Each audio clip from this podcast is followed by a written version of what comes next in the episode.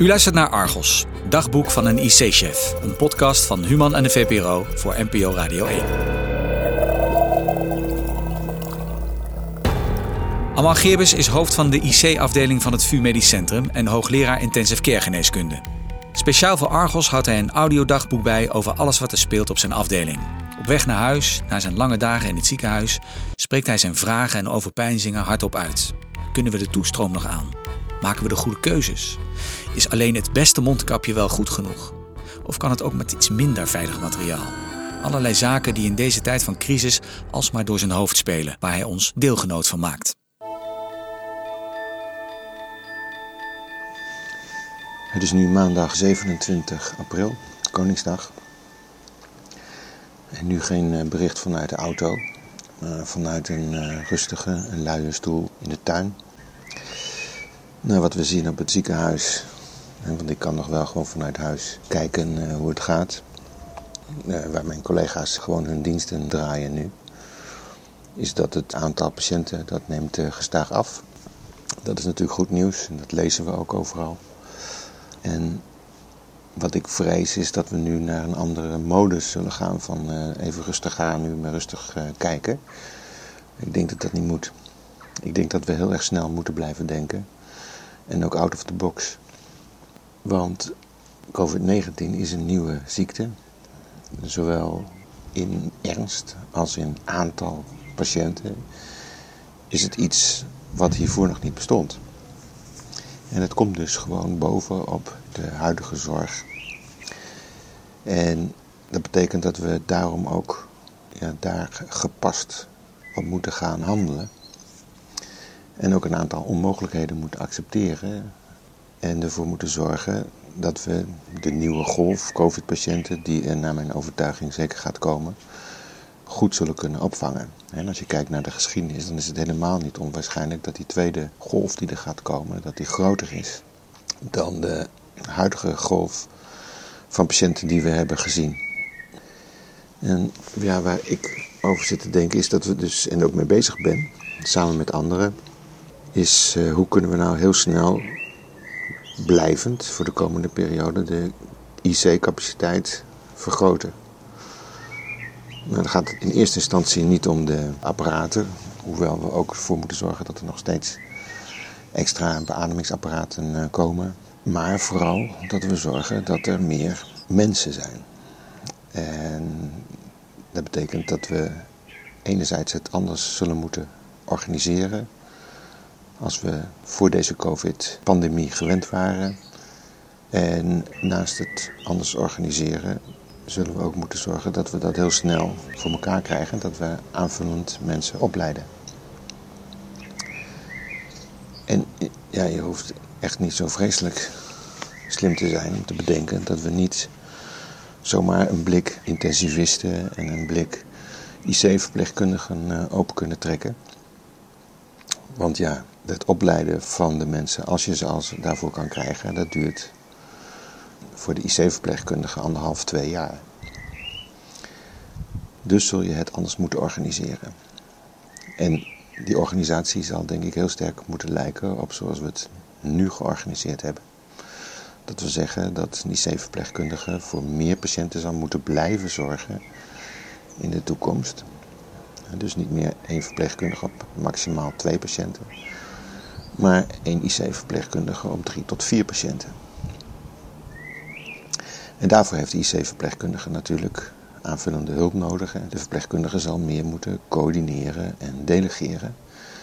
En ergo ook meer verantwoordelijkheid dragen.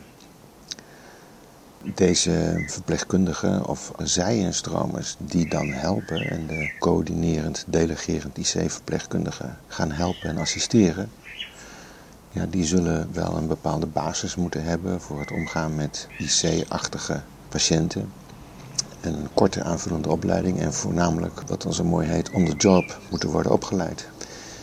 En ik denk dat we nou niet achterover moeten gaan zitten, maar dat we echt als de sodemieter hiermee aan het werken moeten gaan. En enig out of the box denken en het besef dat het crisis is en dat het heel snel moet. En dat we nu niet alles tot op de laatste bureaucratische letter geregeld moeten hebben. is nu wel noodzakelijk. Ik blijf maar benadrukken dat het snelle en out-of-the-box denken, even buiten de normale regeltjes, buiten de normale bureaucratische zaken om, buiten de normale procedures, maar wel zo zorgvuldig als maar mogelijk is door de beperkte tijd die ons gegeven is, dat we dat gaan regelen. Het tweede waar we hard aan moeten werken is het organiseren van specifiek die zorg van die COVID-19 patiënten. Die komen bovenop de bestaande zorg die al heel lean was ingericht, efficiënt. Ik zou altijd nog weer efficiënter kunnen volgens sommigen, maar er zijn al enorme efficiëntieslagen gemaakt. Die maken dat er weinig beschikbaarheidsruimte is. En daar komt dus nu een hele grote groep patiënten komt daar bovenop. En dan heb ik het echt over de patiënten met COVID-19 die opgenomen moeten worden in het ziekenhuis. En een deel daarvan naar de intensive care. En ik denk, en ik heb daar gepoogd een richtinggevend stukje over te schrijven. Daarvoor moeten we die zorg heel snel apart op een zo efficiënt mogelijke manier gaan regelen. Het is ook een goed te omschrijven patiëntenpopulatie. Het is een andere ziekte. En wat ik daarvoor geopperd heb is het oprichten van aparte COVID-ziekenhuizen. En ik hoop ook dat die discussie nu uh, snel op gang gaat komen. Want we hebben echt geen tijd te verliezen. gelukkig is er al wat belangstelling getoond van uh, adviseurs van uh, de zorgverzekeraars. Je ziet dat ook allerlei adviseurs van consultancybureaus zich er nu weer mee gaan bemoeien. Maar goed, dat zijn toch de gebaande wegen waar je je verhaal aan kwijt zult moeten. En die zullen het dan weer aan de beleidsmakers eh, overbrengen. En die hebben allemaal wat belangstelling getoond en ik heb zo goed, als ik kan geprobeerd argumenten daarvoor te geven. Want doordat er nu in de ziekenhuizen ja, bijna alles draait om die COVID-19 patiënten, wordt die andere zorg wel heel erg inefficiënt. En ik werd met name werd ik er een beetje zenuwachtig over. Toen ik zag wat de minister schreef. want de minister die schreef in een brief aan de Kamer op 22 april. En omdat ik nu rustig thuis zit in de tuin met de computer voor me, kan ik even voorlezen.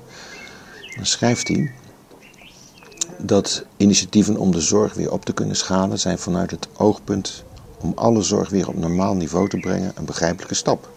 Maar dat kan wat mij betreft alleen binnen in ieder geval de volgende randvoorwaarden gebeuren. De inzet op deze zorg gaat nooit ten koste van de noodzakelijke COVID-19-zorg, IC, non-IC, operatiekamers onttrekking van personeel, persoonlijke beschermingsmiddelen, apparatuur en geneesmiddelen die voor de COVID-19-zorg noodzakelijk zijn, is niet acceptabel. Nou hoop en denk ik dat het anders bedoeld is dan wat hier staat. want dat kan niet zo zijn dat in ons huidige gezondheidssysteem maar één ziekte de voorrang heeft. Anders is, ik denk wel dat dit een reden te meer is om die COVID-zorg heel goed te gaan kanaliseren en te gaan regelen. En daar moeten we de komende weken, misschien maanden, voor gaan gebruiken om dat heel snel voor elkaar te krijgen.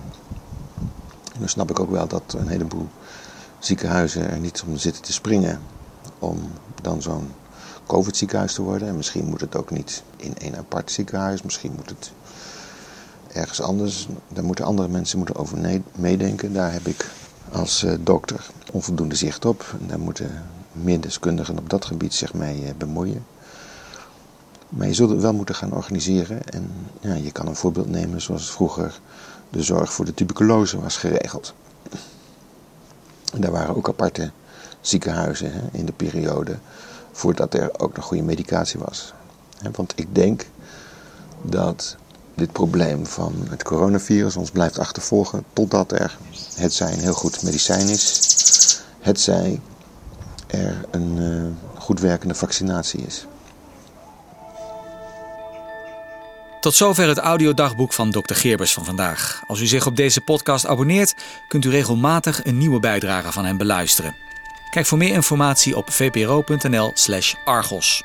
Daar vindt u bijvoorbeeld ook het audiodagboek van een huisarts en nog veel meer interessante artikelen. Vindt u deze podcast de moeite waard? Laat dan een review achter in Apple Podcasts. Dank u wel.